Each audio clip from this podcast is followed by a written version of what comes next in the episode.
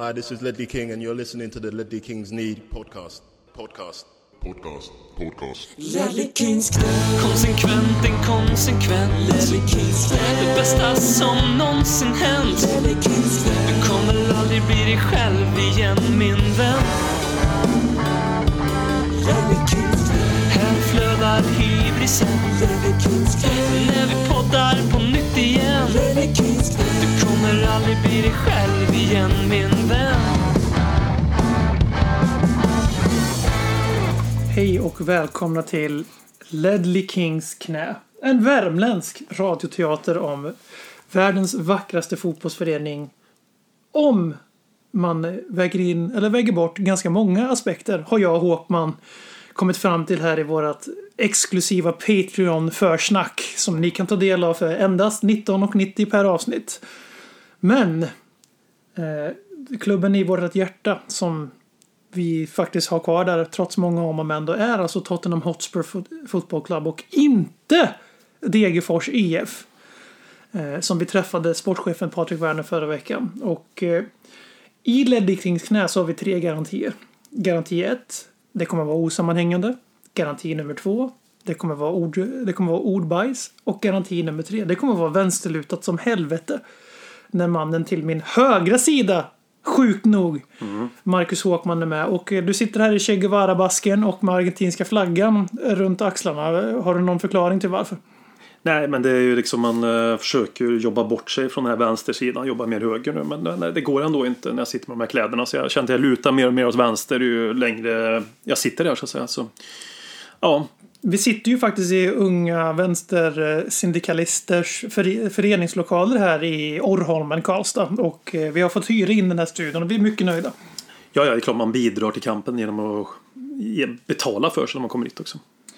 Eh, På tal om Argentina som jag snyggt eh, grävde in där med Che. Eh, Som tror det ej faktiskt har en viss sam samkoppling till Argentina och inte bara Kuba. De som vet, de vet.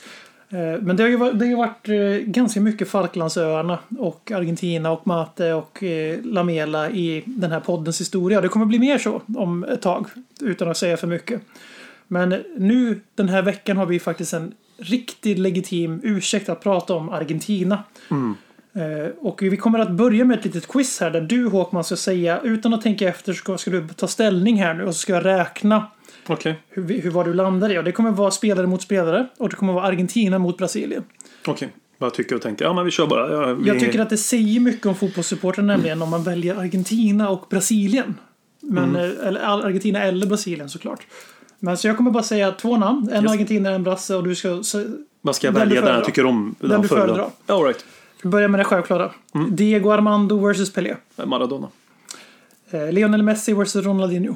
Ronaldinho. Oh, 1-1. Mario Kempe eller Zico. Zico. Jag är ledsen, men ja. Det här gick inte som jag hade. Nej, men kom, nu säger jag snabbare här. Ja. Eh, Maurizio Pochettino vs Lucio. Ja, Massi Pochettino. Jag behöver inte surra andra valet. Tänk som fotbollsspelare, inte som Ja, men det spelar ingen roll. Pochettino, Lucio, vem fan. Jag skiter väl i han Jag liksom. hade, jag hade svårt att plocka någon En jävla mittback En liksom. brasiliansk mittback, det var svårt. Alltså, jag, Ja. jag strugglade med den. Nej, Pochettino. Erik Lamela vs Lucas Mora. Erik Lamela. Trots Amsterdam. Ja, det, men... Alltså, nej, jag- Lucas Mora tycker jag ju faktiskt, om jag måste vara helt ärlig.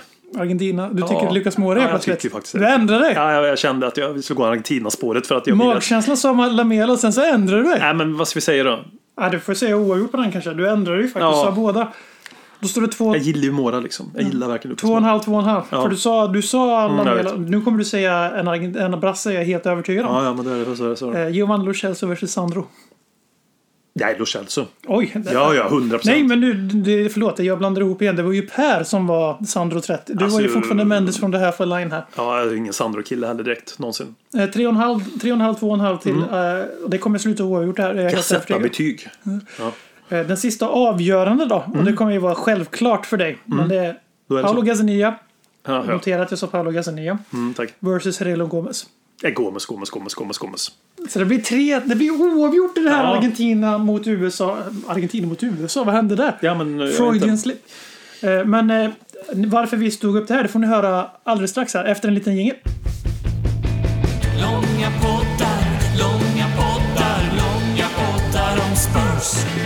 Anledningen till att vi pratar om Argentina och Brasilien, det tror jag alla förstår i den här veckan. Jag sitter ju här skakad i mina grundvalar efter att Marcus Håkman har kommit ut som en jävla popularist. Och tagit Bolsonaro-landet Brasilien lika mycket till sitt hjärta som Che Guevara-landet Argentina. Det var den här högersidan jag började sitta på kanske. Eh, Men det, det som hände var att eh, Argentina och Brasilien skulle spela landskamp. Och eh, två av Tottenhams nyckelspelare, så som Ledley Kings knä ser på saken i alla fall, Eh, blir då nästan till deporterade från landet mitt under brinnande match. Eh, det här på grund av att eh, de och även Buendia och Martinez från Aston Villa inte hade uppgett i sin deklaration in till landet att man hade varit bosatt i England. Eller varit i England eller vad fan det nu var. En massa coronarestriktioner i alla fall. Bla bla bla. Ingen bryr sig. Det vi ska gå in här. Det är ju att först och främst har det blivit en jäkla snackis i Tottenham-läger under det här landslagsuppehållet om varför vi ens lät våra spelare åka till de här rödlistade länderna och då ska vi även kasta in Davison Sanchez här i Colombia. Eh, För det har varit en debatt. Eh, Sen har vi också kommit till nästa leder här. Fick de verkligen åka för klubben? Det ver- verkar kännas mer och mer osäkert. Och eh, vi känner, vi det finns mycket att beta upp här. Vi kommer att ha en diskussion här. Både om huruvida det är klubb för land eller club over country.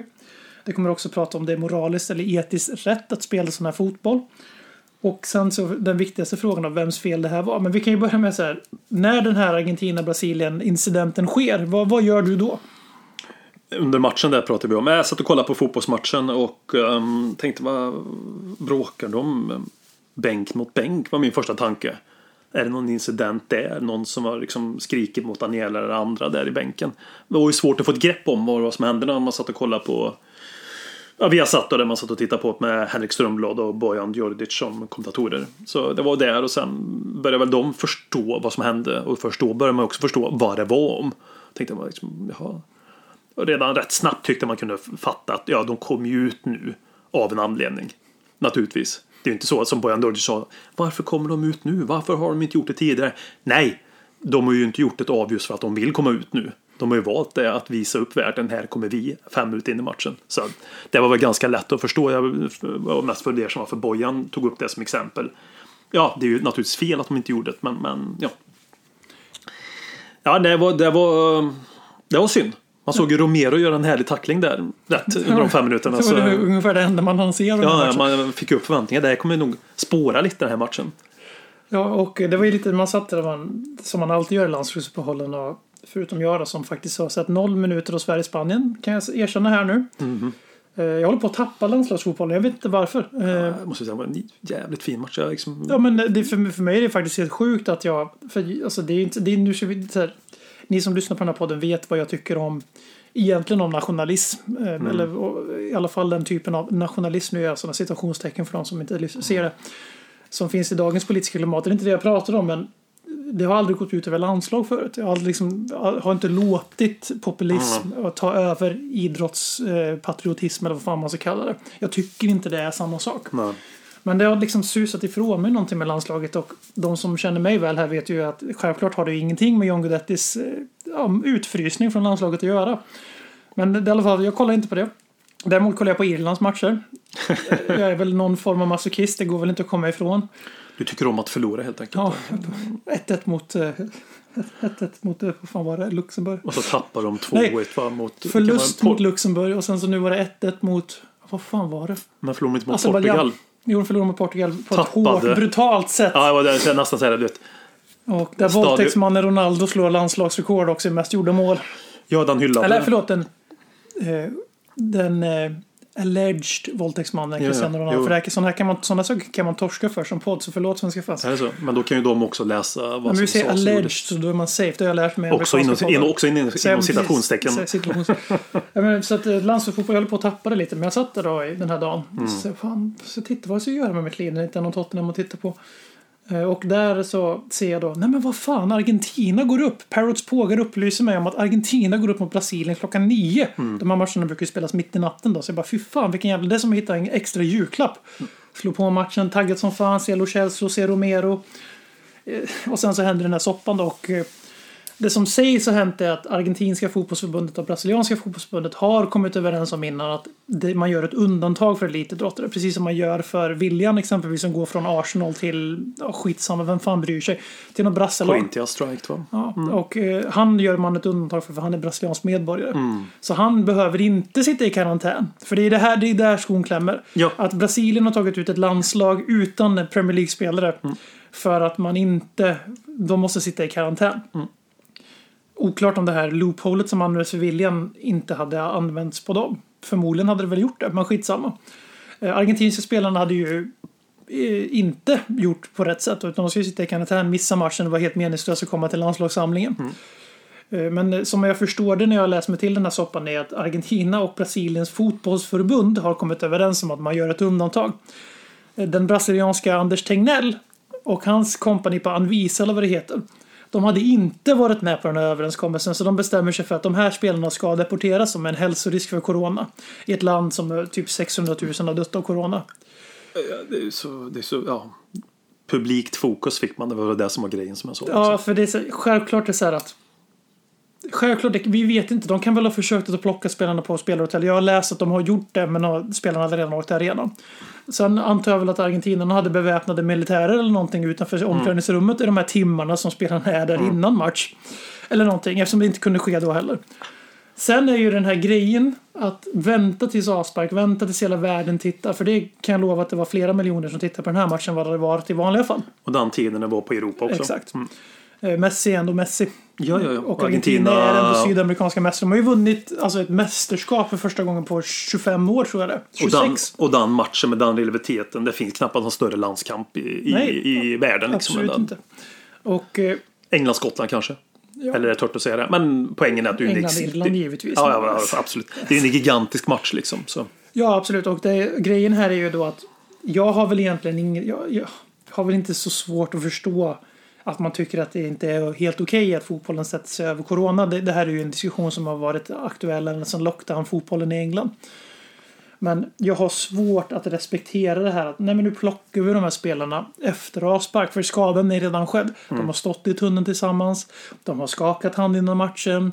De har stått för lagfoton. De har sprungit runt. Alltså det är ju en kvart man pratar om nära kontakt och då är man, då är man utsatt för risk. Den kvarten har ju seglat. Alltså, så det står, även om de bara hade spelat i 5-6 minuter så har de- alltså den här kvarten med nära bla bla bla. Den, så det blir ju någon form av så här, populistisk statement som görs av, av brasiliansk, brasilianska folkhälsomyndigheten eller vad det nu är. Och det som framförallt händer efteråt får ju sånt jävla genomslag. För jag tror inte, du får säga emot om du håller med, om du inte håller med, men själva vad som händer på plan, det känner jag mig rätt klar med. Det, vi är rätt ointresserade av det. Det är liksom, det är skådespeleri. Men det kan vara intressant skådespeleri tycker jag också. Alltså, nu blir vi helt plötsligt politikerpodden här. Men alltså, det kan vara intressant skådespeleri. Jag kan köpa skådespeleriet om det är en aktion mot Bolzano. För att visa hur eh, Ja. dåligt han har skött den här coronahanteringen. Corona alltså, fanns det är ju inte- enligt honom först. Du? Corona fanns ju Nej, det inte. var en snuva. Ja, men han har ju väl, det, utan att ta ställning, liksom allmänt har han ju haft en väldigt lam inställning till Alltså, det. jag kan säga så här. Eh, ni får tycka vad ni vill politiskt. Ja, jag, det är jag, är på riktigt en människa som inte... Alltså, jag kan prata med alla människor politisk uppfattning. Förutom kanske vissa våldsbejakande extrema former. Typ fascism och sånt där. Ja, jo. Va- Men om du tycker om Bolsonaro, vi kan fortfarande vara vänner. Men jag tycker inte om honom. Nej. Punkt. Nej, och det är ju inte jag heller. 0 procent. Jag bara menar att om de har gjort det mot Bolsonaro i en aktion att visa honom. Ja, men då gillar man det lite mer. Då, det då, då kan jag faktiskt gilla det. Då kan jag också förstå poängen. Att det är ett sånt tillfälle. Det är svårt för oss att veta om det är det. Men då är det så svårt att veta om det är ett sånt tillfälle. Om det är det det beror på. Det kommer vi aldrig få svaret på. Men om det är det som är orsaken.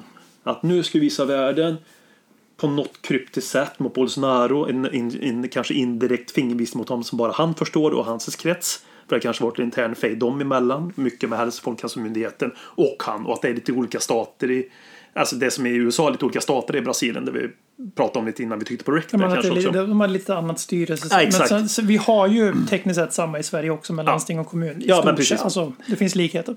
Men då, då, då kan jag tycka att det är intressant om det är det det beror på. Då köper jag det där fullt ut om det finns ett, ett, ett, ett högre syfte med det. Så att säga.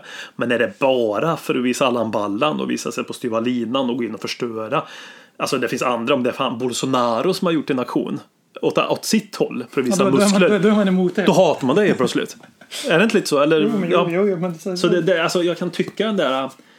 Det, det kan vara jätteintressant om man får reda på varför de gjorde det. Kan jag tycka den där aktionen där. Ja men det är klart att det är intressant och det är ju ett tidsdokument över fotboll under coronatiden och det jag menar med att vi släpper den är jag vill styra in det lite på just den biten. Mm. Ja, jag förstår det, men ja. Eh, corona, det var därför jag gav dig chansen Mm. att ge en sista replik. Att, eh, men att eh, just det här med corona under fotbollen, för det som händer här då, om vi ska koppla tillbaka till Tottenham för de Mm. som, få som fortfarande lyssnar på det här, eftersom att vi faktiskt har en hel del människor som stänger av när vi säger saker de inte håller med om. Ja, ja. Vi- Vilket är så, ett, för mig ett annat, och då menar jag inte för vi skiter ju i lite det där, men Då kan de...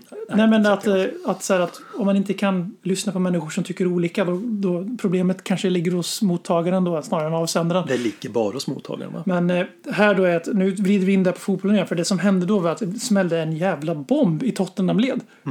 Där klubben ganska snabbt började läcka ut eller plantera ut att man absolut, man var rasande på Romero och mm.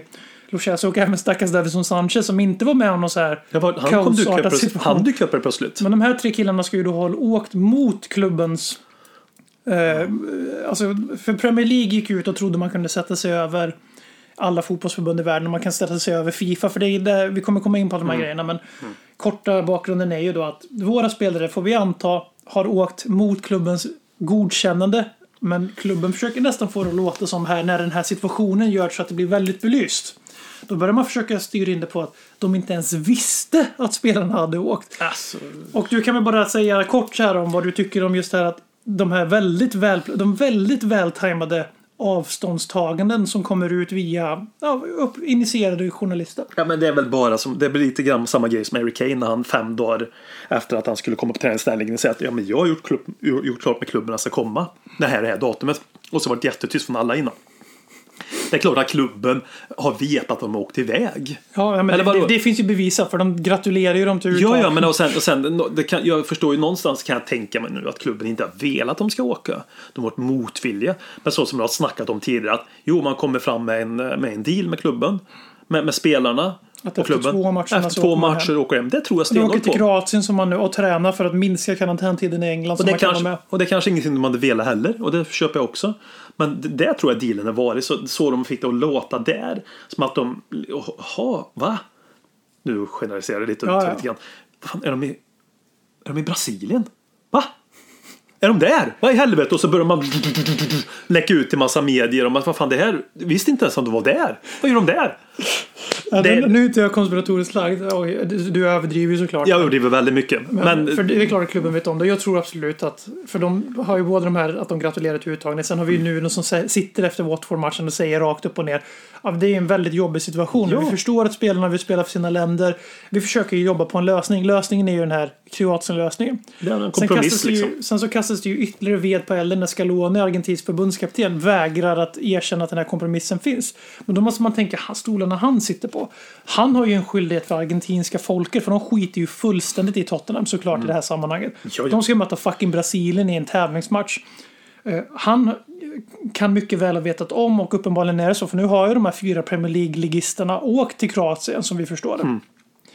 Men han, han har ju ett anseende att skydda att Argentina går före klubblag. Så ty- och det är det vi ska komma in på alldeles strax. Men han måste ju skydda Argentina som alltså enhet här, argentinska landslaget, som att det är det största och vackraste som finns för våra spelare. Så är det. Men samtidigt har, man, har han gått med i en deal. Han Men det, det, det har han ju uppenbarligen gjort, för nu blev Och det då ju blir, så. han, då blir han ju en, en, Det blir blir han en en liten- svartfot liksom. Ja, jag håller med, det blir en liten clowneri Han, här. han skjuter sig själv i foten för framtida saker. Han blir opålitlig, man går inte att lita på honom. för vad Ja, tror du kommer hända i oktober när, Nej, om nej en det, månad? de kommer inte komma iväg. Det finns inte en chans. Alltså, jag, tror inte de, jag tror att de kommer känna så mycket press på klubben. Oavsett kan ju äh, argentinska FA eller ja, deras fotbollsförbund.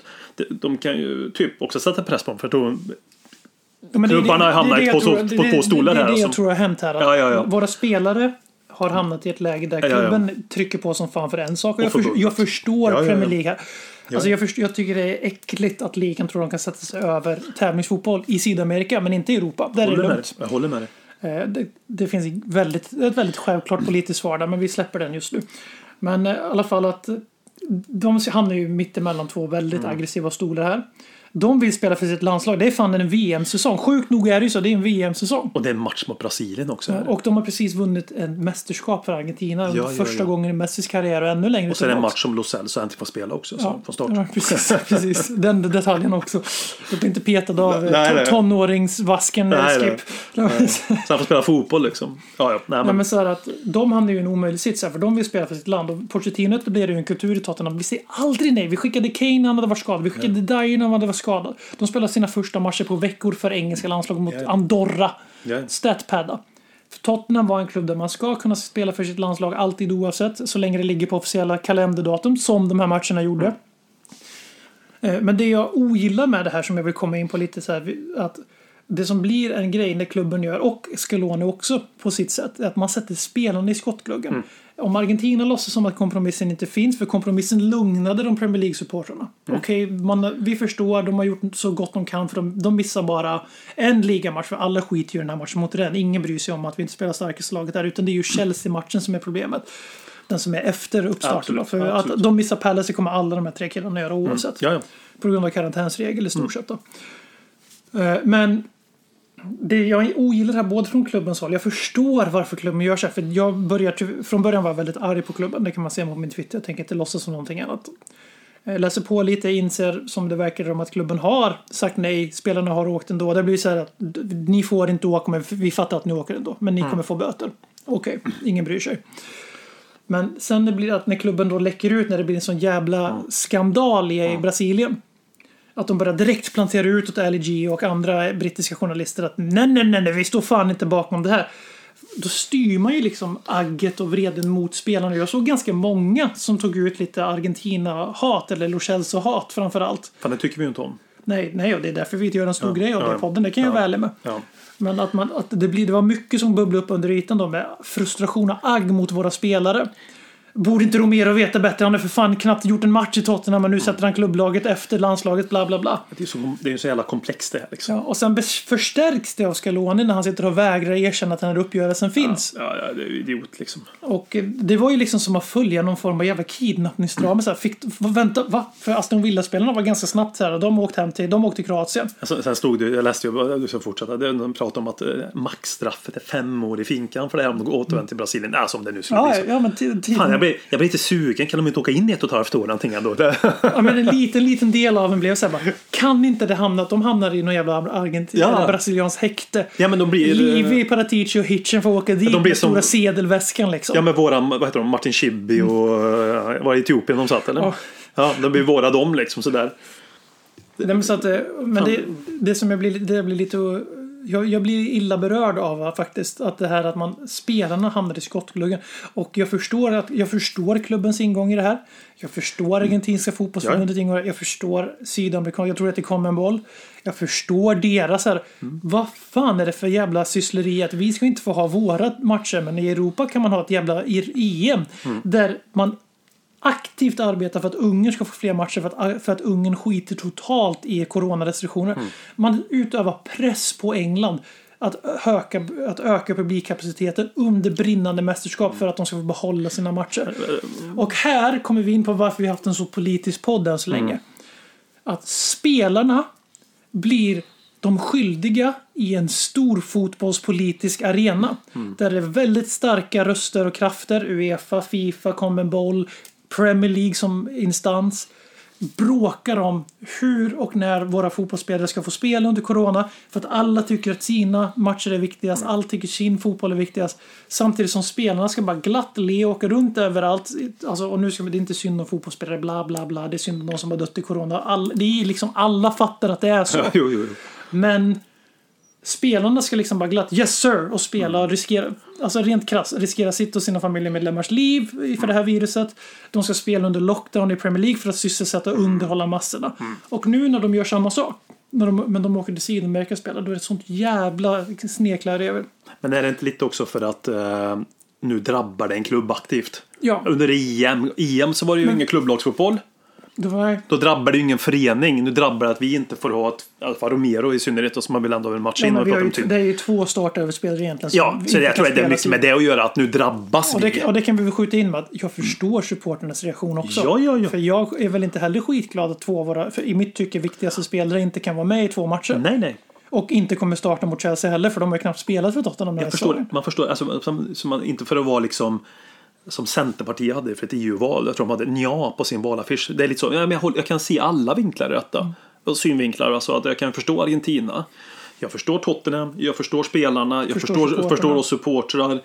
Men någonstans som det, det, det jag faller tillbaka på som är så viktigt i detta. Det är att Fotbollen blir ju en industri där pengar spelar allt större roll mer och mer för varje år trots att vi tror att vi vann något slag där mot eh, Super League. Och det, det gjorde vi ju det slaget. Men nu vi, konstgjord andning. och nu ser vi ändå hur de här storklubbarna köper på ett helt fasansfullt sätt. Liksom. Ja, förlåt, jag avbryter igen.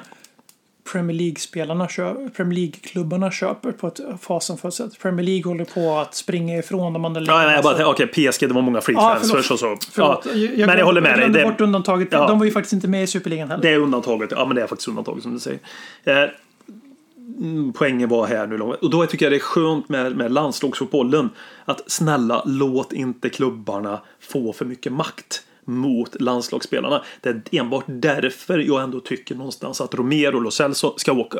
Jag är my- Jag mycket medveten om 100% bakom att Ja, de här det här. Det är ju Davinson också. Han var bara inte mera gisslandramat. Ja, ja, jag- ja men exakt. Han är så. Jag, jag, Så det är ju tre drabba- startöverspelare. Ja, vi drabbas utav det. Som fan. Som fan.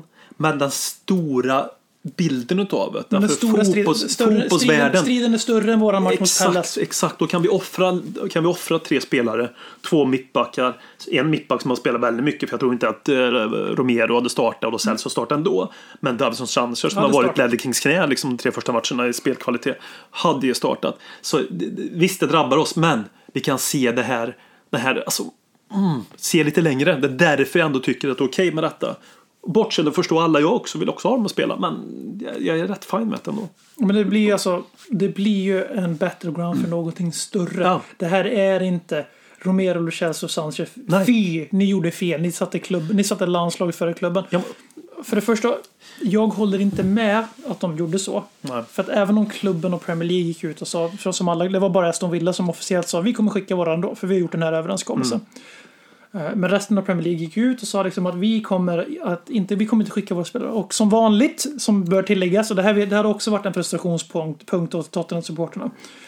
Som vanligt, Liverpool bara fuck off till alla landslagsförbund förutom Ja, de europeiska. Patriot, liksom. Han har ju blivit nye Ferguson när det kommer till Så, landslags. och, och de bara fuck off, ingen får åka.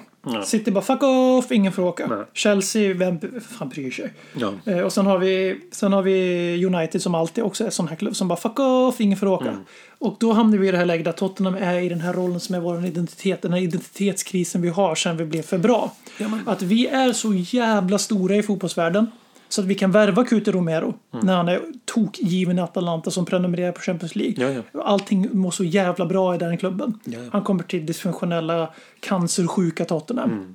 Och jag kan säga så för att jag har sjukdomen i familjen så jag får göra sådana liknelser. Du, Före någon, före någon blir kränkt. ja, ja. Eh, Så att eh, det, liksom, vi är en gigantisk jävla drake men i Premier League är vi inte det. Vi är så tydligt vi- vi, en storlek mindre än de här klubbarna. Och igen får vi ett påminnelse. Vi klarar inte av att hålla våra killar hemma men det gör de andra klubbarna.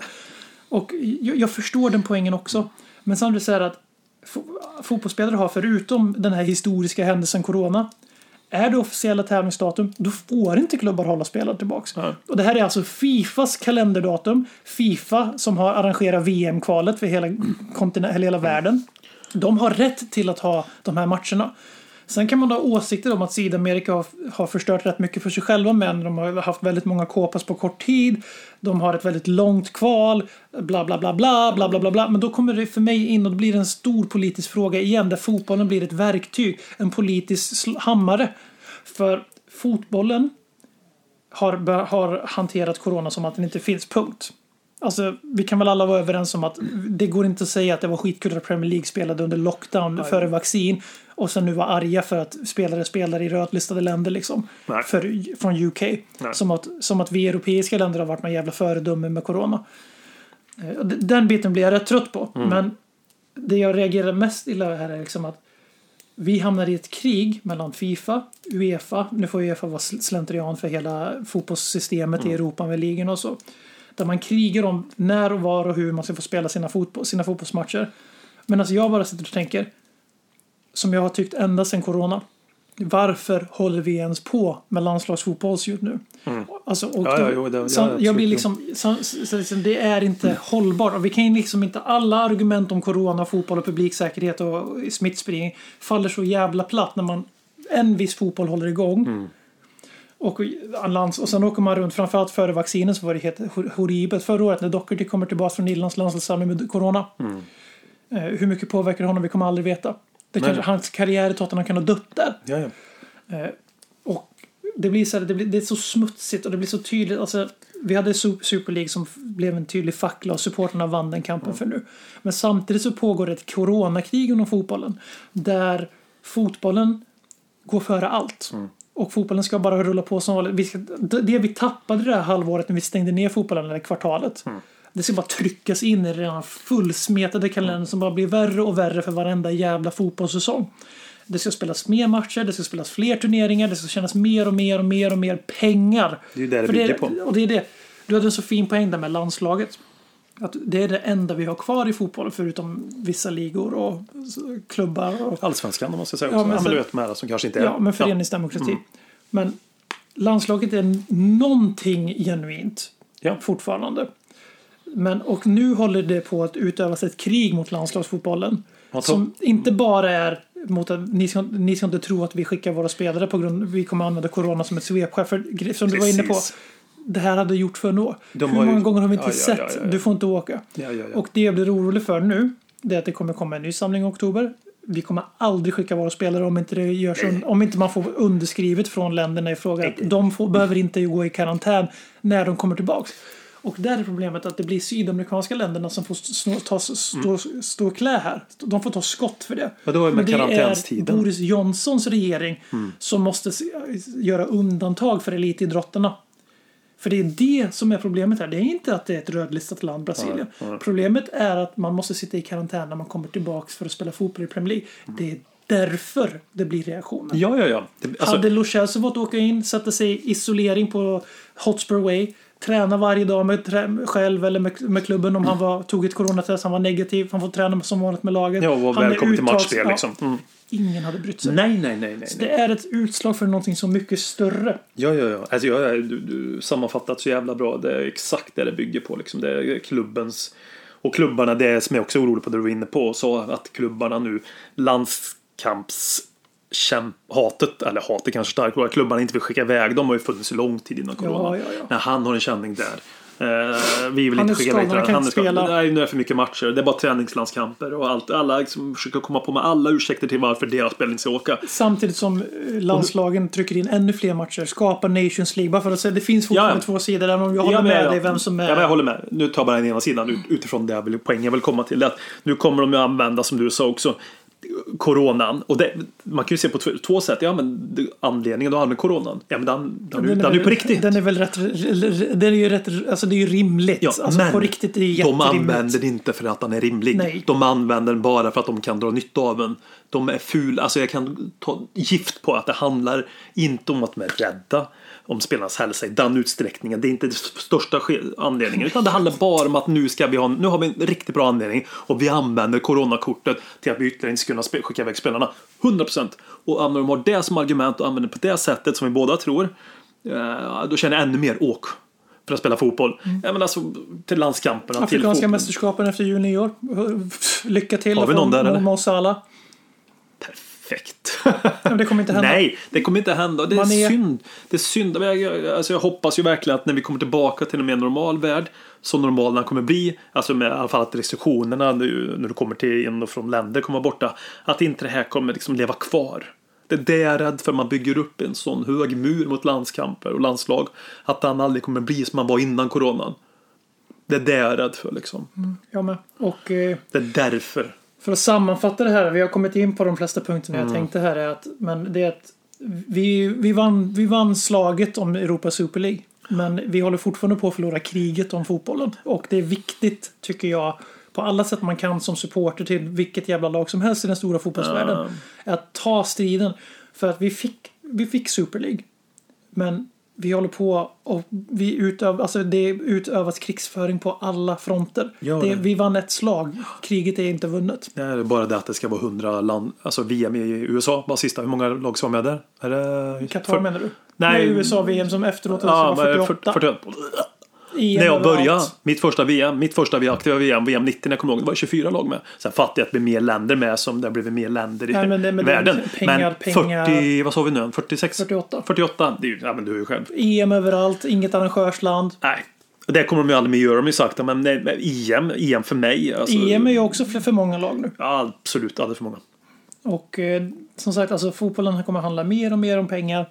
Och eh, det, det, på ett sätt är det förståeligt. Självklart. Alltså det, de gör ju inte det här för välgörenhet och spelarna är välavlönade. Men eh, vi kan liksom inte ur en ren mänsklig aspekt också. Vi kan inte förvänta oss att man ska kunna ta ikapp den fotbollen som behövde ställas in på grund av den här alltså, brinnande krisen Nej. i hela världen. Nej, man, Men det är ju precis vad alla olika krafter inom fotbollen håller på att göra nu. man, de vill ha kakan. Man spelade Äta längre kakan. in på säsongen på Ja, grund ja. av uppskjutning. Nästa säsong börjar en vecka senare än var det två. Mm. Man spelade ett jävla EM över hela jävla Europa när pandemin fortfarande skenade. Och jag var inte vaccinerad, jag är 30 år. Mm. När, EM var. Och så vidare och så vidare. Eh, och man försöker ta igen tid som inte går. För att fotbollsschemat är redan för späckat. Jag, Ja. Och det var något tillfälle Och det var OS nu också i somras. Och vi, vi kan inte bara dundra på så här. Och det är så jävla orolig för. Jag tycker ju verkligen så att det är fel. Att man gör så för spelarna är människor och vi kommer se slitningsskador, vi kommer se karriär som tar slut några år tidigare. Jag är helt övertygad om för allt det här samlas på på deras kroppar precis som det gör för den vanliga dödliga industrin. Ja, ja. Eh, Och det, det jag är så väldigt orolig för att det här, det här ljuset finns redan. Alltså det ljuset är tänt. Och det som kommer att hända är att det kommer att användas som ett argument. Men det kommer att användas för onda syften. Det kommer att användas för att vi ställer in all fotboll vi inte tycker om. Men fotbollen vi tycker om, jävlar vad den fortfarande ska spelas. fotboll som genererar cash liksom. Men sen vill jag bara säga alltså, också innan vi som med Lo Celso och, eh, och nu tappar Romero Romero. Ja, och precis. Sanchez. Och Sanchez ja. Om de nu har dragit också mot klubbens godkännande. Jag kan förstå klubben som du sa är väldigt irriterad på dem. De förtjänar ju också att få höra det någonstans. Även om de inte har rätt att hindra dem. Nej men de har, egentligen har ju inte det. Det är det som är lite... Nej, så jag menar, jag förstår, som vi sa, vi förstår ju alla de sidorna. Men, men ja. It is what it is. Men nu kommer de ju hem ändå då. Mm. Oavsett vad. Men om vi, för det var en av grejerna, så vems fel var det? Och Ja, jag vet inte. Den här diskussionen ska ju belägga att det är väldigt svårt att peka ut någon. Det, jag sa tidigt. För alla, jag tycker att alla parter har rätt på till viss del. Och alla parter har gjort fel någonstans också. Alltså, det, jag, jag kan inte bara, det är inte så svart och vitt som att säga att nej, men det är Lo Celso och Romeros fel. Nej, det är Tottenhams fel. Nej, det är Argentinas fel. Jag har um, Scaloni sagt att vi, ja, de kör två matcher, sen åker de hem. Okej, vi har den dealen efter mycket om och men. Ingen är riktigt nöjd. Tottenham är inte nöjda.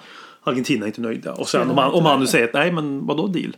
Vi hade ingen sån deal. Ja, men då är, då skjut, ja, men han skjuter sig själv i foten. Han kommer ju fatta upp det. Vi kommer ju märka om det stämmer. För då kommer Tottenham inte skicka iväg dem. Spelarna kommer känna så pass mycket press från Tottenham. Så att de, jag är helt, om vi ska betta, om det kommer att vara betting. Så mm, kan vi betta på att de inte kommer åka iväg i oktober. Om det nu har brutit ett förtroende mellan eh, förbund och eh, klubb liksom. Jag är helt övertygad om att de inte kommer få åka. Nej, nej. Billigare än knark Roligare än terapi Ledley Kings knä För den du redan är Men också för den du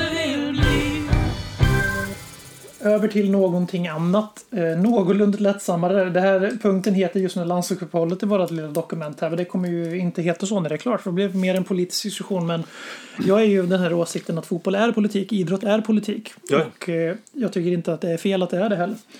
Men eh, det har ju alltså faktiskt varit så att nu satt vi förra tisdagen då satt vi i Degerfors istället för att prata om silly season för att vi, är, vi, är en, vi, vi kör vårt race. Vi satt hos en sportchef på deadline day. Vi gjorde Som, för det måste vi följa upp, att det gjordes ju faktiskt en, en transaktion Yes. i Degerfors efter vi, alltså efter vi lämnade stackars Patrik. Ja, det gjorde vi. Så, ja. Vi har gått från att Per, per spyr inne på min toalett när jag bodde i Karlstad till att vi sitter på sportcheferiet på deadline day. Så vi har ändå Vi har, gjort en, vi, gjort vi har en resa. växlat upp. Vi har växlat upp. Eh, Men vi, vi har ju haft eh, ett sommarfönster som nu är stängt och så Tottenhams varorna trogen så var det några såpor som levde in i sista minuterna. Eh, kanske inte lika sexigt att Carter Wickers går på lån med köplös ut i Celtic sista minuten istället för att vi värvar en Rafa van der Fart. Och att hans kontrakt med Tottenham Förlängdes förlängdes ett år. Som vanligt. ja, vackert. Eh, utan, eh, men det var ju Ruben Neves levde in i det sista, de tre åren, sådana här grejer. Så, och, Roy, och sen Emerson Royal som blev eh, klar det sista som hände, eller som var klart men presenterades på deadline. Day.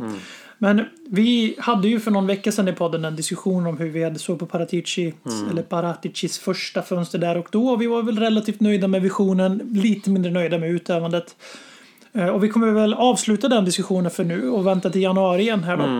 Och bara en, en kort sammanfattning för ni har redan koll på det här och sen ska vi börja diskutera eh, betygssättning och sen har jag en lite specialpunkt här som är, som är den stora samma, sammanhållningen här, eller underhållningen.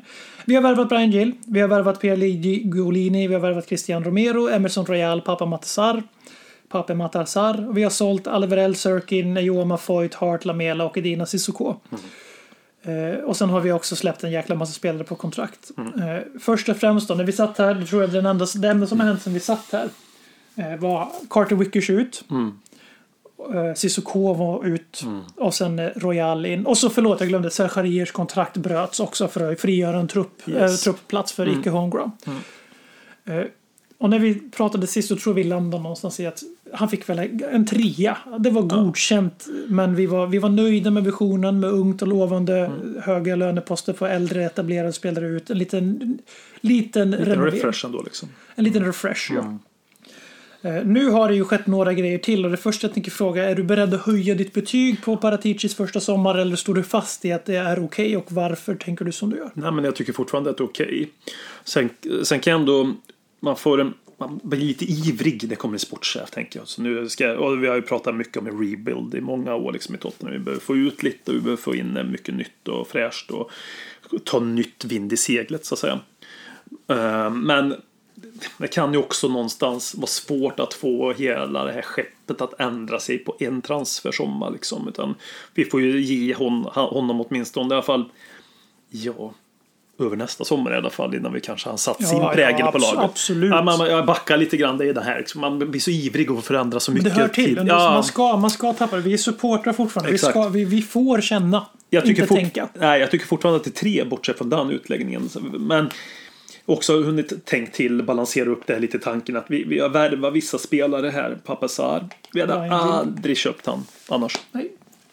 Alltså det, Det hade varit Jack Clark. Ingen no offense till Jack Clark, men det hade varit en Jack Nej, nej. Clark i sådana fall. jag, jag tycker vi ser en rebuild. Vi har fått bort lite dödkött som vi tycker är dödkött. De har presterat mycket bra i Tottenham. Många säsonger har varit fantastiska på många Det sätt. är, det är ingen spelare som lämnar Tottenham. eh, Förutom de- Serge, tycker jag. Ja, nej, men eh, jag håller inte med. Men är ingen av de här etablerade spelarna som lämnar Tottenham som inte har gjort någonting bra för klubben. Nej, någonting. Men, men jag är gött bra om honom bara. Ja, jo, jo. Men, men, men, men och då, jag, ser en, jag ser en röd tråd jag försöker göra. det gör jag med. Och den röda tråden gör mig glad. Sen, sen kan man hoppas att röda tråden skulle ha dragits lite längre. Med någon mer spelare. Ja, det hade jag också velat naturligtvis. Och anfallssidan är inte stark nog. När var det senast? Aldrig liksom. Så det är inget nytt. Eh, vi hade kanske behövt någon kreativ innermittfältare. Neves till exempel. Alltså, ja, du, Jag tycker vi har två, det men jag förstår. Ja, men ja, det är förstår, till, som, förstår Neves sa, varför. det är liksom wow. ja, jag Det är wow-spelare för mig i alla fall. Vi hade varit nära en fe- alltså jag kan Hade vi behållit en Dombele, det här är helt orealistiskt. För det, Ja. det var ju antingen Neves eller en Dombele så kan man väl slå fast det på Mm. en gång tror jag. Men hade vi behållit en Dombele och plockat in Neves, då hade jag fan mig varit uppe och snuddat på femman på det här fönstret. Alltså, Ja, det hade inte kunnat vara det för vi inte hade köpt en anfallare, men Nej. egentligen allting förutom den biten hade varit så jävla bra då. Och en Dombele är ju alltid det. Men som vi sa tidigare, vi har väl gett gett upp det honom spelar, lite. det spelar ingen roll om Nuno har gett upp på det. Alltså, Så gett upp- jag har ju också gett upp, så han finns men jag tänker inte på jag räknar inte med honom. Nej, så jag, är liksom- jag är fortfarande på trea. Menar du jag, att han är som ett nyförvärv? Som Brian Sessignon och Oliver Skip? Ja, ja tänk, man, tänk man bara växlar ut. Nej, det kommer aldrig hända. Jag har gett upp liksom. Men jag är fortfarande trea. Men också mer belåten. Backat, luta mig tillbaka, titta. Och ändå ser ser en röd tråd dit på något sätt. Och det gör mig glad. Jag tycker Det finns vi, en aktiv strategi liksom. och det, det, det är det absolut viktigaste, att man kan säga vision, filosofi, strategi, vad fan man nu vill. Vi har äntligen en. Eh, Det är inte längre eh, opportunity signings där man plockar in en Steven Bergman i januari för att han kostar en rimlig summa. Det finns en, det finns en potential. Det är inget fel på sådana värvningar. Nej, Jag tycker nej. att Pape Matasar och eh, Brian Hill är sådana värvningar ja. också. Det är potential, rå, råa talanger som vi... Det är inte alls säkert att de växlar upp i Tottenham. Det, Mm. Nej, nej. Senaste track record säger ju tyvärr att vi får väldigt dålig utväxling på våra större värvningar som faktiskt Hill är. Han kostar ju faktiskt i paritet med Lo Celso i stort sett. Mm. Alltså om man lägger till Lamelas marknadsvärde så som han levererade i Sevilla. Nu får vi vara ärliga med att han hade inte det marknadsvärdet innan eftersom att Mm. Nej. han hade ett år kvar kontraktet och var en truppspelare. Så. Men det är ändå uppe i den pariteten, runt 30-35 miljoner får vi nog lov att värdera det Mm. med Lamela inräknad. Ja, i dagens värde så är det så definitivt. Eh, Och vi har ett dåligt track record och det är jag mer orolig för. Men det är ju inte sportchefens fel. Att vi inte får någon utveckling på spelarna när de väl är där. Det är mer sportchefens fel när det inte finns en tydlig tanke. Men här tycker jag att det finns en tydlig tanke. Både i det ekonomiska, där vi väldigt tydligt eh, öronmärker spelare som är lite äldre, har, gått ner sig lite och har lite för hög lön sett till vad de genererar i värde och vad, de, har, nej, förlåt, vad de har för trupproll. Lamela var inte en dålig fotbollsspelare, Nej. uppenbarligen. Men han tjänar för mycket pengar för att vara 15 gubbe i Spurs. Mm. Cissoko är inte en dålig fotbollsspelare. Han tjänade åt helvete för mycket pengar för att vara 19 gubbe i Spurs. Oh. Och då tar jag hellre in en Sar, jag tar hellre in en Hill som har hälften av deras löner högst. Som har eh, flera år med utveckling framför sig. Och eh, båda de här spelarna är otroligt uppsnackade och upphaussade i fotbollsvärlden i stort. Vi har dålig koll på dem i Premier League för de spelar inte i England. Men Pape Matisar har alltså, det här kan ni, fact, det här kan ni fact-checka mig på. Han har en statistisk profil som är i paritet med Jude, Belling, Jude Bellingham i Dortmund. Och Eduardo Camavinga som gick från Rem till Real Madrid. Med för 30 miljoner euro trots att han hade utgående kontrakt. Han är på den nivån. Statistiskt sett. Det är bara en del av fotboll. Men statistik, hur mycket man än vill vrida och vända på det, så som den andra som man inte bara kollar på mål och assist. Utan men, det, hockeyn och basebollen bygger, och amerikansk fotboll och säkert basket också på något sätt. Jag förstår inte det på det, men hockey och baseball har jag viss förståelse för. Och där används statistik, alltså otroligt omfattande av eh, huvudkontoren i ligorna. Det är bara en del av deras scoutingverksamhet och rekryteringspolicy. Men det är en stor betydande del. Eh, För man effektiviserar ungefär som Paratici har gjort här. Jag tycker det är ganska tydligt att vi går över till ett så kallat money, moneyball-tänk här för att ge någon form av begrepp på det. Ja, ja, Att vi värvar ungt lovande. Ja. Vi har ersatt trupproller med mindre lönekostnad. Mm. Det finns ett utvecklingstag. Och det är mycket, det- är en del risk. Men varför sa jag det där på svängen? för? Skitsamma, det är en del risktagande. Mm. Men eh, att eh, det finns en tanke. Det finns en, det är ett gediget hantverk som har gjorts. Alltså de här spelarna är inte bara dussin talanger. Och jag älskar den tanken. Jag gillar det heltäckande med att vi värvar på ett visst sätt. Vi tänker på det ekonomiska på ett visst sätt. Sen har jag otroligt svårt att acceptera ett fönster där vi går in med en riktig nia i Harry Kane som, förlåt, vi ska faktiskt ge lite cred till. Son förlänger kontraktet, Kane blir kvar. Där går han upp till en fyra för mig. De två grejerna knuffar upp första fö- fönstret till en fyra. För det vi har beskrivit är för mig en ganska tydlig rebuild-tänk på allting vi redan har sagt är rebuild. Sen behåller vi två nyckelspelare på olika sätt, väldigt olika Ja, sätt. väldigt vi, olika alltså, sätt. Men de är fortfarande kvar liksom. Så där går det upp till en fyra. Eh, sen vill jag direkt dra ner det till en trea igen. För att vi har fortfarande bara en anfallare. Vi är en Harry Kane-skada ifrån att spela Son som nia. Och där försvarar vi laget. Och motargumentet från klubbens håll är att vi tror väldigt mycket på Dane Scarlett. Vi har Troy, Par- vi har Troy Parrott som gör det bra i MPK Dons om det krisar. Jag såg Troy Parrott spela mot Azerbaijan. Han är inte redo för att spela i Tottenham. Jag såg, eh, han spelar för övrigt ofta med 10, 9 nu för tiden. Eh, jag såg Dane Scarlett mot Pachos. Han är långt ifrån redo att vara nia i Premier League. Sen samtidigt så måste de här killarna få chansen någon gång. Och det, det är moment 22. De ska kanske inte vara andra gubben, men det är de nog inte heller för Son Tom kommer ju ta, han kommer ju ta andra. Liksom. Ja. Men han är också en människa. Han kan också bli skadad. Han är skadad nu exempelvis. Eh, Och det går inte att sätta så högt som en fyra när vi kliver in i fönstret utan en nia. eh, Ut, förutom Harry Kane. Och vi lämnar fönstret utan en nia förutom Harry Kane. Mm. Hade Son suttit på bänken varje match, då hade jag gett en fyra. Ja, för då hade vi haft, men, men då är så här, ska våra näst bästa spelare inte spela? Så funkar det inte.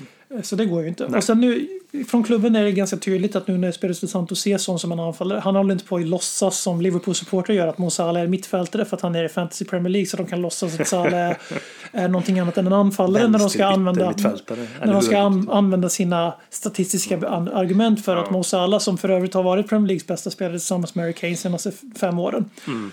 Eh, och Kevin De Bruyne, för guds skull Kevin De Bruyne. Men eh, skitsamma, jag ville bara få in en liten pik. Eh, men eh, så att jag, jag landar ändå i en tre och en halva. Jag, jag bangar ur. Jag ser rebuilden. Jag ger underkänt. Jag ger också underkänt på att vi inte plockar, att vi jagar Adama Traore in. Vi lägger ett 30 miljoner pundbud. De säger nej, vi vill ha 50 och vi skrattar och går därifrån. Där får han en pluspoäng för mig. Tack.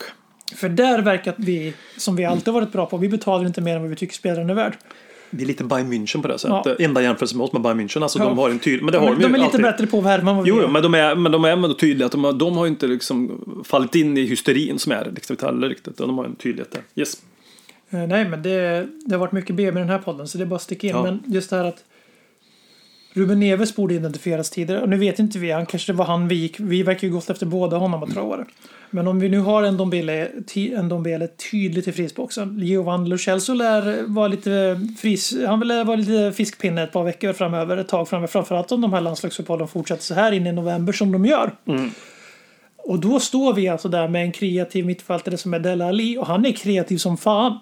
Men han är mer en finisher än en speluppbyggare. Han låser... Nej, Han är inte så. en maestro, han är second striker för mig. Han, Han är den som ska avsluta och han Ja. har gjort det fantastiskt Ja, ja, som en box-till-box mittfältare. Ja. Han får alldeles för lite beröm för hur han liksom helt Helt prestigelöst, nu när det inte är Mourinho längre som säger åt honom vad han ska göra. Och det respekterar man ju. Eh, han, han har bara svalt så han han har spelat som en second striker under alla år som Portsna var som bäst. Sen så började han flytta gradvis längre ner i banan när vi föll ihop utan Moussa Dembele. Mm. Och nu är han en tydlig box-to-box. Han kommer göra mycket färre poäng än vad han har gjort sina säsonger när han har varit ordinarie. För han kommer vara ordinarie men han kommer göra mycket färre poäng. Mm. För att han är längre ner i banan. Han är skitnyttig där. Mm. För att han har en gudabenå... Alltså han är ett geni. Mm. Han har ju det i sig. Han har ju geniet i sig. Han brukade ha dåren också men han har tyvärr städats bort väldigt Mm. mycket. Och det saknar man. Jag saknade Delali när han var både geni och dåre. När han var liksom 20... Han var 2000-talets version av eh, Gascoigne på något sätt. Alltså han hade ut- båda delarna. Men han blir utvisad. Den här Europa. Ja, men, han- nej, men, han, han, han slog en? Burnley-spelare i magen. Ja, och var arrogant mot Chelsea och Arsenal-supportrar Ja, och sånt där. Liksom. Ja. Eh, Och eh, då blir jag, då blir jag, jag blir väldigt orolig för att han är för långt ner i banan. Han, jag vill ha honom tydligt högre upp och jag vill egentligen ha Lo Celso för att han är, igen, återvänder till mina älskade siffror här. Elit på exakt det vi behöver. Bryta linjer, transportera boll. Många vill se honom högre upp i banan. Och jag köper det för att han är också uppenbarligen rätt bra på att göra poäng. Och det gör man fler om man är högre upp i banan. Men jag tror vi som lag mår bättre av att spela in honom bredvid Höjberg lite bakom Dele Alli. Eh, För att han är just duktig på det här med bryta linjer. Men jag tror inte att han kommer få den rollen. Både på grund av det här politiska spelet som kommer ske nu. Både på grund av att vi har sett från början att han inte spelas in i laget. Eh, Nuno verkar vara en, han är ju en tränare historiskt som han har sina gubbar. Och eh, då blir jag väldigt orolig för vad ska vi göra när ett lag stänger ner vårt ganska begränsade mittfält. De är skitduktiga fotbollsspelare allihopa, men de är väldigt lika fotboll. Det är tre box-till-box mittfältare som eh, springer runt där ute just nu. Och vi har ingenting satt in. För en Dombele kommer inte få nycklarna till Tottenham i år. Nej, nej, det tror inte jag. Jag har gett upp honom. Äh, Händer någonting positivt där så jag är jätteglad för det. Men det är ingenting jag går att hoppas på längre att ändå Bele ska göra. Men jag har bara tänkt på det här med sportcheferiet och hans, hans eh, röda linje och att han hittar spelare. Det finns ett visst tänk. Man satsar lite ungt. Man har scoutat som Sar. Pappa Sar som jag har. Jag har aldrig sett den, men jag har liksom, eh, du vet, vissa spelare, jag har odimensionellt höga förväntningar på honom. Ja, samma här, samma. alltså odimensionellt. Jag, Alltså, vi håller, köpte- jag är mycket mer spänd på hur bra han blir än Brian Hill. Som Ja, är kapten spänd. för spanska U21-landslaget Ja, och ja, ja. spelat i La Liga i några år. Liksom. Jag vet inte varför pappa sa liksom, bara wow. Mm. Aldrig sett ett wow. Jag tänkte Kanté. Jag tänkte alla de här sakerna liksom är odimensionellt höga förväntningar på honom. Jag Jag säger, bara... mer, jag säger han är mer Moussa Dembele tror jag. Ja, ja, men jag kommer, gå, jag kommer ju falla platt där liksom. En, senast jag hade en sån höga förväntningar på honom, en Dombele. Wow, hade jag höga förväntningar. Men det låg på en annan vad- nivå liksom. Det, det, oh vad fel det blev. Ja, ja bedrövligt. Men det jag hoppas också nu att när, det kommer också att spela det här, alltså som en röd tråd och sportchefen och manager och tränare då, som det är nu då, tränaren, huvudtränaren. Ska jag hoppas att det köps spelare, inte bara ska passa huvudtränaren, alltså det vill jag ska göra nu, men att man köper spelare som är vår, vår sätt att spela fotboll på över tid. Att det också är att eh, Nuno Gomes är en tränare som, är, som ska passa in till det vi köper. Och när Nuno Gomes inte är kvar, när det nu blir någon gång, att nästa tränare är också en tränare som ska vara Du till menar, det vi har. du menar Nuno Santos men... Ja, förlåt Nuno Santos. Nuno. Gomes. Jag var inne här i Hurelio Gomes fortfarande. Nuno Santos, ja. ja men att, det, att man ser att, att de sakerna mellan Santos och Paratici, att de sakerna Oj, ja men spelarna vi köpte in, ja, det passar ju bra till hur, hur Nuno vill också ha dem, Nuno Santos också vill ha dem liksom. Den är ju jätteviktigt. Och när Nuno Santos lämnar, att det passar in till nästa tränare. Beroende på hur länge Paratici och allting är kvar. Man förstår vad jag menar. Det har vi ju inte riktigt sett än. Om det är Du, så. tänker, du vill inte åt Ajax-modellen där man väljer tränare efter filosofi utan du vill ha den här att det ska anpassas, alltså en mittemellan-grej. Det ska inte bara vara opportun, alltså så att det Jo, var... jo. Men tränaren ska ju vara anpassad till filosofin för att Okej, filosofin det- ska ja, vara satt. då, är jag med, är jag med. Ja, ja, det är det jag menar. Alltså, vi, kan, vi kan inte värva spelare som Nuno Santos inte vill ha. Men du vill, bort, du vill helt enkelt... Nej, men det, nej, det, den biten är ju självklar. Ja, det har och tyvärr sen- inte varit så i Tottenham. Nej, och sen när nästa tränare kommer. Oj, nu ska vi spela på ett nytt sätt. Det är klart det Ja, finns men- nyanser men- i förändring. Hur man det, vill det spela. var det jag hörde dig säga men ja, inte... och jag kanske uttryckte mig lite, nej, men det lite kan skevt. vara jag som zonar ut också. Ja. och, då, men, och då hoppas jag att man hittar rätt. Att man ser den tydligheten i sportcheferi också. För den är också väldigt viktig. Inget mer det här Rednap, AVB, Porch. Mourinho. Nuno. Utan varannan tränare ska inte vara progressiv Nej. taktiker och sen ska det vara en stofil. Utan det ska Sportchefen vara... ska stå för stabiliteten i en Ja. förening.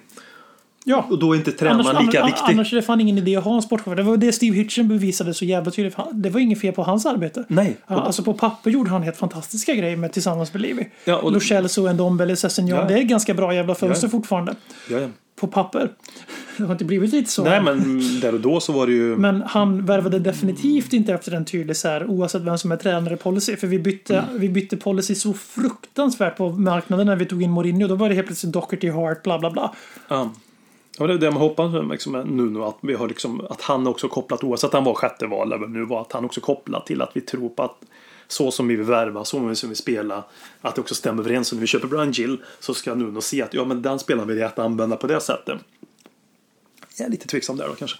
Jag hoppas att man ska kunna använda de spelarna, att det finns den kopplingen. Så det jag menar, Paraticis betyg kommer ju också sett hur, hur Nuno använder dem i laget liksom. Hur det faller ut. Så det har vi ju också betyget på honom. Utfallet på spelarna. Och det är ju lite i framtiden. En sak till här som ska, ja det måste man ju acceptera att det är framtiden. Det är ju att vi har alltså sparat ungefär 39,5 miljoner pund på löner. Och det är då utan att veta hur mycket vi har tagit in. Men vi kan utgå härifrån tycker jag att vi har minskat lönekostnaderna med ganska många av de här 39,5 miljoner punden. Det här är ju till stor del firades ju av Tottenham supportrar ganska ironiskt hoppas jag. Men eh, en sak jag vill ta upp här i podden före vi går in på eh, Robins punkt faktiskt. Lyssnare, Våra mest celebrade lyssnare Robin Dronsfield har faktiskt skickat med en punkt här som har att göra med de här herrarna vi har pratat om. Men för, bara kort reaktion på det här, det här med att fyra, att vi har minskat lönekostnaderna på 39,5 miljoner. Det är helt sinnessjukt. Alltså, alltså, det är ju inte våra jävla pengar. Och det är ju inte så att Tottenham blöder ekonomiskt. Utan det har ju visat sig gång på gång på gång. Nu, är inte, nu läser jag inte det så jätte, jättenoga, men jag läser siffrorna och ser att det vi gör är plus jämfört med många andra. Vi mår bra ekonomiskt, eller hur? Ja, och det, vi, klart vi blödde ekonomiskt på grund av corona Jo, som men- andra, men vi, Livi visade ju sina styrkor där. Först tog han ett lån av engelska staten. Ja. Sen tog han ett mycket bättre lån med högre Sen- betalningsgrad och skickade och, och, betalade, alltså Tottenham har alltså betalat tillbaks det här Bank of England-lånet redan. Så jag, jag, jag, hopp, alltså jag går verkligen inte igång på att oj, vårt net spend är så här. Eh, oj, vi har fått ner våra lönestrukturer. Hade vi haft en klubb som uppenbart var under hot att vi måste få ner våra kostnader. Annars finns det risk för att vi får börja med poängavdrag och de sakerna. Ja, men då har vi i ett helt annat läge. Utifrån det läget vi befinner oss nu, det vi vet, så eh, ser jag inte det som en jävla seger. Jag vill säga att Tottenham ska alltid ligga så nära plus minus noll som möjligt. Det ändå går ut på att vinna. Vi ska ligga så nära plus minus noll ekonomiskt, vi ska ligga nära plus minus noll lönemässigt och utifrån det jag vet så gör vi ju inte det. Och därför ser jag inte detta som en jävla seger. Jag ser mer bara att det är bra vi blir av med Cissoko. Toby hade gått ner sig. Det är mer så jag ser det. Att spelarna i sig har gjort sitt. Att de satt på en viss lön. I det här fallet så är det till stor del effektivisering av spelartruppen. Ja, ja. Samtidigt så är jag lite i det läget att på papper är vi nog lite svagare. Om inte vi får lite utväxling på Lo Celso. Så det finns, vi kan få mycket bättre också. Så jag, här är jag i båda lägen. Jag, jag tycker också att det är på gränsen till pinsamt att fira sånt här. Ja, men det, det, det har ju blivit våra grej mot andra supportrar. Ja, men titta på oss, titta på vår netspend och så gör vi fuck you-finger och tycker vi är bra. Ja, men det är så det funkar naturligtvis. Så det blir lite vår identitet som supportrar Sen- gentemot andra engelska supportrar. Att förklara att ja, men vi har de här och de här lönerna och den här lite Vi stoltheten. har ju suttit i den här podden många gånger Harry och dragit Kane tjänar bara 200 000 pund i veckan. Fan vilken jävla socialistisk och fin förening vi är. Två miljoner i veckan liksom. Och jämfört med andra så har vi ju lite mindre löner jämfört med andra top six. Ja, vi- som man så vi är kallar dem sexa i lönen, Ja, liksom. exakt. Men vi är ju ingen jävla lilleputt, vi är inte Burnley. Liksom. Eller hur? Så, men det blev vår grej. Det är nog mycket det också blev vår grej gentemot andra. Netspend. Jag tror att Liverpool har börjat med också det med netspend. För att de har sålt Coutinho, de har sålt många dyra spelare. Och då har de också börjat med netspend. Ja, men fucking wankers liksom. De har för fan inte heller... Alltså, vi ska hålla käften om netspend. Är engelska ligan liksom. Ja, vi, vi, vi är Premier League. Ja, det är ing, alltså, ingen som tycker låtsas inte oss. att vi är lilleputten i någon form av fotbollshierarkisk jävla värld liksom. När Burnley kan, kan värva en egen produkt från Lyon Mm. med 200 matcher i Lyon. När Burnley kan värva honom utan att någon ens höjer på ögonbrynen då vet man att man ska sluta spela pengakortet som engelsk supporter. Och sen, ja, sen att många vill få ut Burnley också. Det är en annan, det, det, fan, jag vill ha Burnley kvar i Premier League varje säsong. Eh, några andra som också kanske vill ha kvar, det blir svårt att göra övergången vi hade, men det är till Robins punkt då. Eh, Robin Dransfield, en lyssnare, har ställt, första lyssnarfrågan, han ställde en fråga, det kom ju en artikel i veckan här om att Tottenham-spelarna var illa berörda och, och beklämda och det. kände sig störda av att eh, Paratici och Hitchen befann sig på, i stort sett på, på spelarbänken och levde ut både mot City och mot Watford. Och det här ska ha gjort spelarna, de ska ha tyckt det här var jobbigt. Bara snabbt här, först och främst, vad tycker vi om The Sun? Ja, det, det alltså, går inte att ta dem på allvar till att börja med. Så det, allt det här som sägs kan ju vara bullshit liksom. Eller hur? Bra, då var det avklarat. Vad, vad tycker du om artikeln här nu när vi går in och behandlar det som 100% fakta? Vi gör det. Det blir ju roliga diskussioner naturligtvis. Är det så att spelarna blir illa berörda för att de sitter där? Eh, beror ju på vilket sätt de blir illa berörda. Tycker jag det är obehagligt kanske. Oj, han står och skriker. Blir lite, liksom, lite skärrad utav det. Men då får de ju för fan ta ut bebistutten och engagera i fotbollsmatchen liksom. Eller hur? Ja, alltså, ja, ja. alltså, ja. Det är ju den ena synpunkten. Sen kan jag också tycka att och Hitchen, vad, vad fan gör de där? Eh, historiskt sett har jag inte tänkt på att vi har haft sportchefer som har suttit på, på bänken på det sättet. Så de kanske ska sitta uppe på läktaren, sitta i närheten av Livi, hänga där. Alltså man ska ändå veta sin roll. Jag tycker inte att de hör hemma där under matchdag. På bänken. Riktigt. Och Jag gillar engagemanget. Så jag, liksom, jag, jag tar ju inte spelarna sympati, att de- men jag tycker ändå inte att de ska vara där under matchdag. Liksom. Eller har jag missat någonting? Är, är det så numera? Är det sportcheferna sitter de där? Ja, inte vad jag vet. Jag har ingen minne av att de gjort det tidigare i vår klubb när vi har haft inom åren. jag minns ju inte att andra gjort det. Jag har inte riktigt koll på åh, den snubben är sportchef i den klubben. Uh, ja, Aston Villa till exempel om de nu har någon. Jag har ingen aning. Eller om det är Dean Smith som rattar allt det här, det tror jag väl att det är. De har en sportchef, han gjorde ju den här fantastiska Twitter-videon där när de förklarade varför de hade sålt Jack Grealish. Ja, men det var en av ägarna det var det. Ja, ja just det. Ja, det, var, det. det. Var det. Det, det stämmer. Eh, men i alla fall, så, nej. jag både och. Alltså, spelarna har ingen rätt att gnälla om de tycker, alltså, rätt har de men jag tycker det låter patetiskt. Samtidigt som att jag tycker inte heller att de ska sitta där under match. Jag tycker ju mest att det här är ju först, första delen av det. Det är ju pinsamt att spelarna är så fragila. De har liksom, det här är samma spelargrupp som nu har använt i stort sett samma argument för att sparka Mm. Mourinho som de sparkade Poch. Förutom den taktiska biten. Det här är samma spelare som har underpresterat en hel del.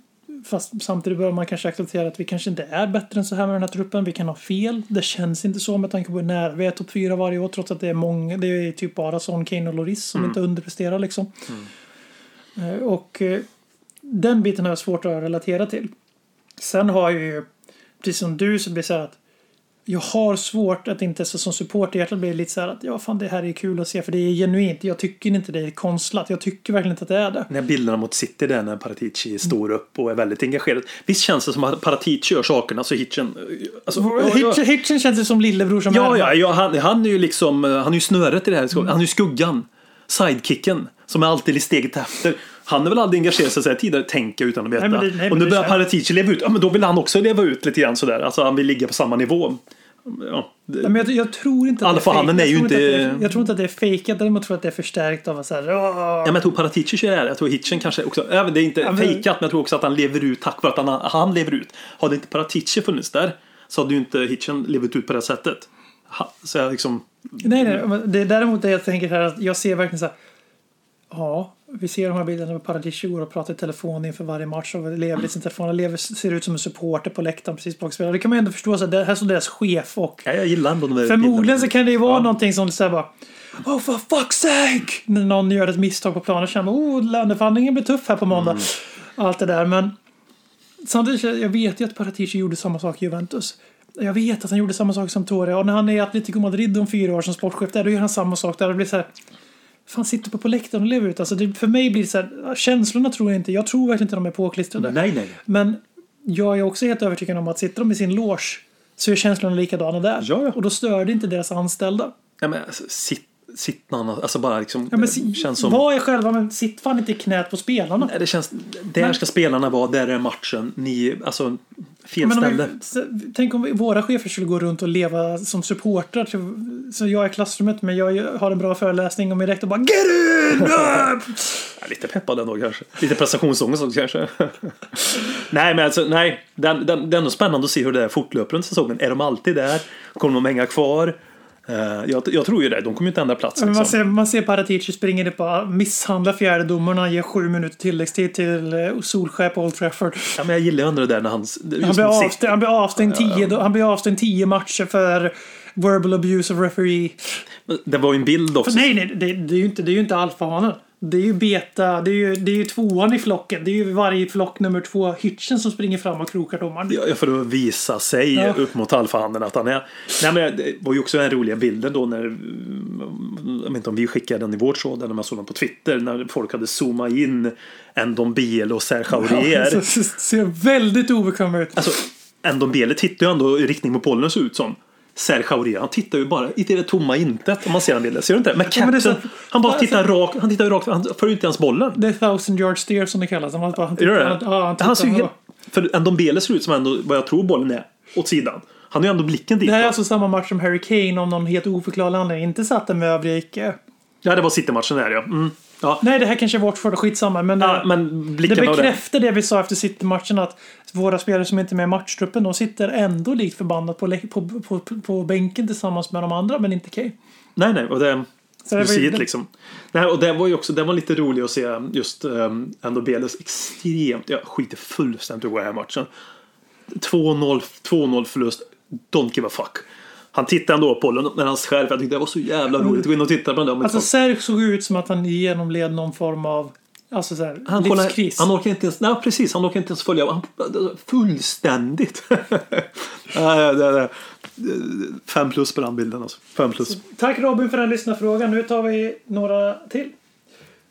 Eh, Och vi kommer att börja här med eh, den allra första kommer vara från RFG Solomon, en trogen eh, för, lyssnar, jag tänkte säga en eh, trogen frågeställare, men det är han väl också på ett sätt här. Och hans fråga är då om ni fick välja tre spelare i truppen som får tio års fängelse på grund av brott mot coronarestriktioner i Brasilien, vilka skulle ni välja då? Oj, vilka vill man ha dit alltså? Så vi bollar lite fram och tillbaka här vad vi har för val. Ja, vi kommer ju inte ta Argentina och Davy för det är för självklart. Ja, vi tycker ju om dem också. Det blir någonstans folk som man tycker ska... Ndombele ligger, li- väl, Ndombele Äh. ligger väl jävligt pyrt till med tanke på att vi känner oss så sårade av honom. Ja, han skulle behöva också. Man up så att säga lite grann. lite Jag- grann som åka till lumpen. Alltså Tio år i ett argentinskt fängelse. Eller var det tio år? Ja, Brasilianskt fängelse fängelse. Jag är ju egentligen emot sådana man drar så svepande men jag har, jag har gett upp på Ndombele. För annars blir det så man, man, pratar om, man pratar om attityden och så här, bara, och Jag tror ofta att det är väldigt långt ifrån sanningen. Han skulle behöva lite mer Roy Keane i sig. Ja, men jag börjar så här, liksom, jag kan inte se vad det annars kan vara. För att han är ju bra när han är på humör. Mm. Och så är han inte bra när han inte är på humör. Så han är den första. På, på tal om det, jag måste bara säga. Jag, jag börjar konsumera väldigt mycket Roy Keane har jag gjort på sista tiden. Har du gjort det någonting? Ja, han är ju irländare men där tar min kärlek slut. Fan, jag börjar gilla Roy Keane mer och mer. Ser hans klipp, ser han uttrycker sig på Sky. Är såklart jag inte alltid håller med, men han är ju väldigt, han är ju verbalt, han är ju liksom ironiskt mörkt humoristisk ändå. Har du sett de här klippen han lägger ut texten om "Ja, varför firar de mot det där när Dean Smith och Aston Villa gick upp? Han ser liksom bitter och lite... Nej, jag måste bara... Så vi pratade om karaktär in mittfältare. Och så fick jag tillfälle att ta in det i podden. Så såg jag Ja, en timmes, timmes lång intervju med Gary Neville och Keane. Har du sett den? Nej, nej, nej, nej, nej. Jag satt som klistrad. alltså, jag började inte... Så du skickar du med Roy Keane? Du kuppar in Roy Keane Jag där börjar gilla Roy tillsammans Keane. med Ndombele? Det- det Tottenham-koppling till. Roy Keane var ju Tottenham-supporter när han var ung. Det kände vi till. Det visste jag, det visste ja. Så vi, det fanns en koppling. Fan, jag börjar gilla Roy Keane alltså. Mer och mer. Jag Det jag menar att det kan slå lite mer Roy Keane i Ndombele. Så Ndombele åker till fängelset. Ndombele åkte till Roy, han åker, åkte till Roy han åker Keane. till Roy Keane i tio år. Ja. Eh, De andra, och sen två andra spelare. Alltså jag, jag slänger väl dit ah, Jack Clark. För att fan någonting ska väl killen göra. Han kommer inte få spela mycket men han ville stanna. Han tackar ju nej till lån för att slåss om sin plats. Så Nej, det gillar jag ändå lite faktiskt. Och han, för mig hamnar han på kåken i Brasilien. Så han, Ska vi ta någon han kan- profi, kan- kan- profilstark också då? Jag kan tänka mig att han, han kan lira i, i fängelselaget för de, de är nog rätt hög klass kan jag Han blir känna. uppäten där då. Ja, det tror jag. Jag tror han blir någons bitch jävligt snabbt alltså. Han skulle ha sväng, tror du inte det? Och sist men inte minst så tänker jag vi nominerar det finns ju ett väldigt givet svar här. Det är någon som inte riktigt har sonat för sina synder i Ja, Harry. Kane då, eller? Så vi får mer så här, vi brukar ju få någon eh, då får på, vi också på in- Twitter. Har vi inte fått någon så här på Twitter som tycker att vi hatar Harry Kane för mycket? Ja, och det tänker jag fortsätta göra. Ja. Eh, det jag tänker så här är att eh, vi måste väva in här. Jag tror det var Jocke, våran grafiker här som eh, gå in på shoppen och köp grejer för fan. Det. Folin har ju på riktigt tvättat bort våra pengar så att vi, vi arbetare i podden har inte fått något. Nej, nej, vi, vi, vi är snart medlemmar alla i Tingsryd här också. Så. Precis. Men han, han skrev ju att Kane kommer ju då att säga när han kommer ut från de här tio åren på kåken i Brasilien. It is what it is. Ja, ja, ja. ja. Eh, Vi har också från Morten som eh, jag kommer att försöka säga på norsk. Han frågar vem har störst grund till att fira? Sverige som ser ut till att komma till VM i Qatar eller Norge som mycket gör det? ja. Ja, jag förstår det. Men Ståle Solbacken, de, de hatar väl det där först en sväng och så tog de bort det. Är det inte tokfiasko för Norge om de inte går till VM med tanke Alltså, på, med, med tanke på Jag- jag- generationen de Jag har? gillar Mårten på Twitter, han är jävligt skön. Men, alltså, det finns en Sverige-Norge. Jag njuter i fulla drag om de inte går till VM. Ja, det är ju Eller, det är jag med. Alltså, du vet, eh, jag satt Men- och lyssnade på en podd, vad fan heter han norska kommentatorn? Han var med i Toto Balutto för något år sedan. Och han Inte målade, fan vet jag. nej, Äh, för, Vänner till podden Tutto Balutto. Ja, Wilbacher säger ju att vi, han, vi är hans favoritpodd alla, alla alltså han lyssnar ju så han kan ju kommentera. Så då vem, säger jag så här nu för att se om han lyssnar. Fiorentina Merde. Och vem var den här norska journalisten? Han, han målade upp det här med norska fotbollen som det var ett, Det fanns inga fläckar alls på den där horisonten. Det, var liksom, det var en transportsträcka till himmelriket nu i ja, men det, för de, de svingar väl lite mot Norge också?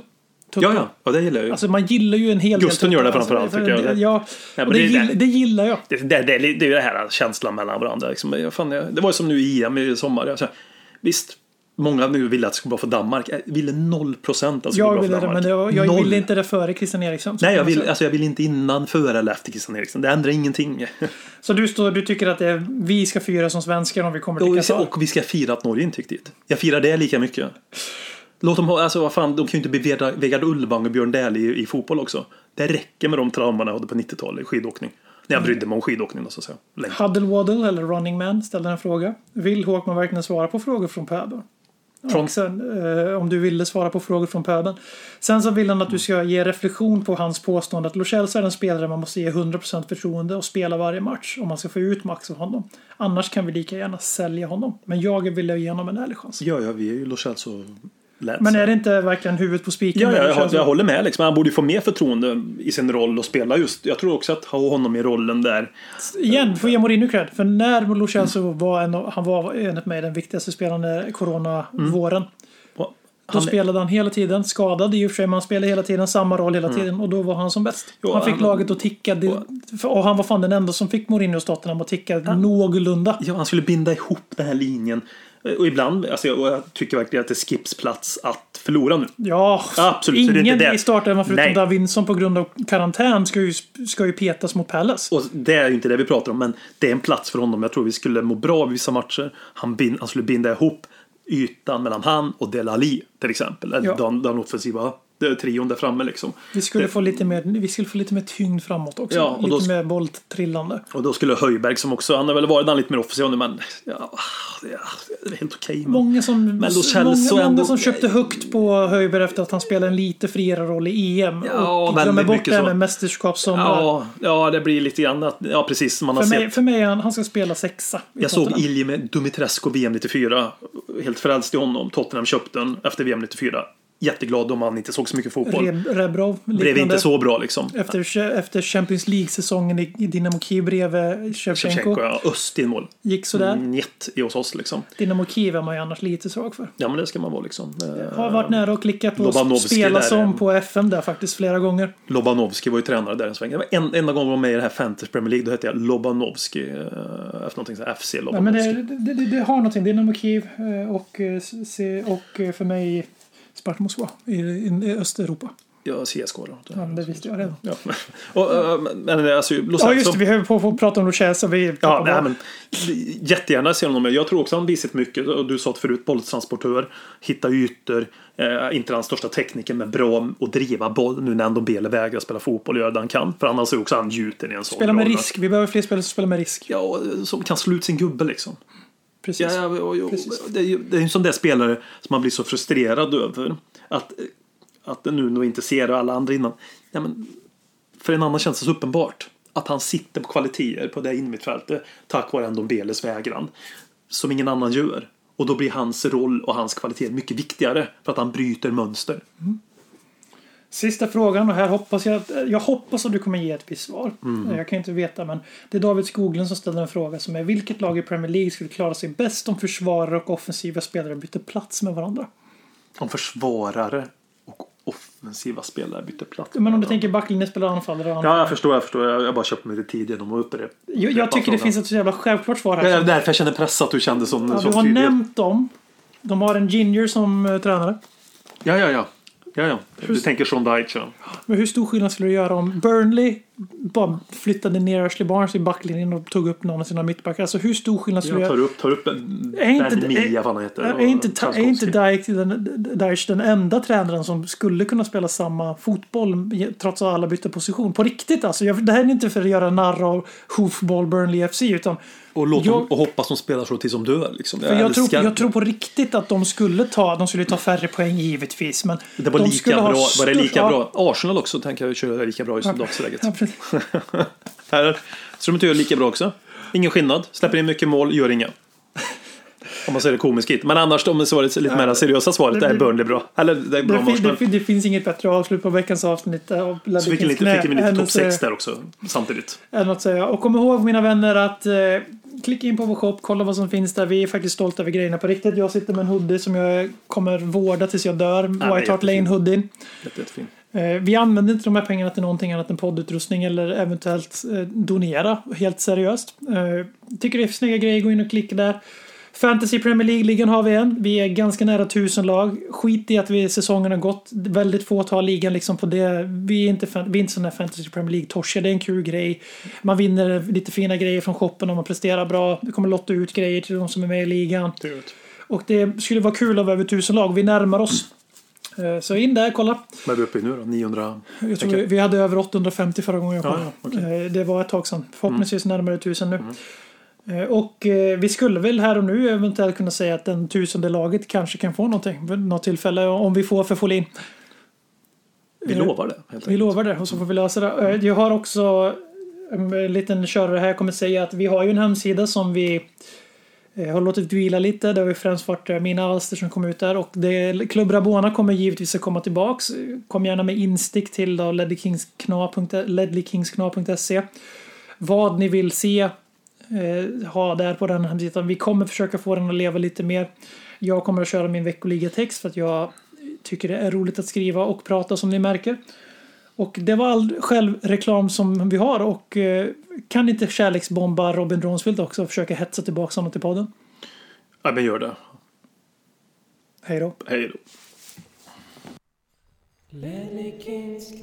Konsekvent, inkonsekvent. Det bästa som någonsin hänt. Du kommer aldrig bli dig själv igen min vän. Här flödar hybrisen. När vi poddar på nytt igen kommer aldrig bli dig själv igen.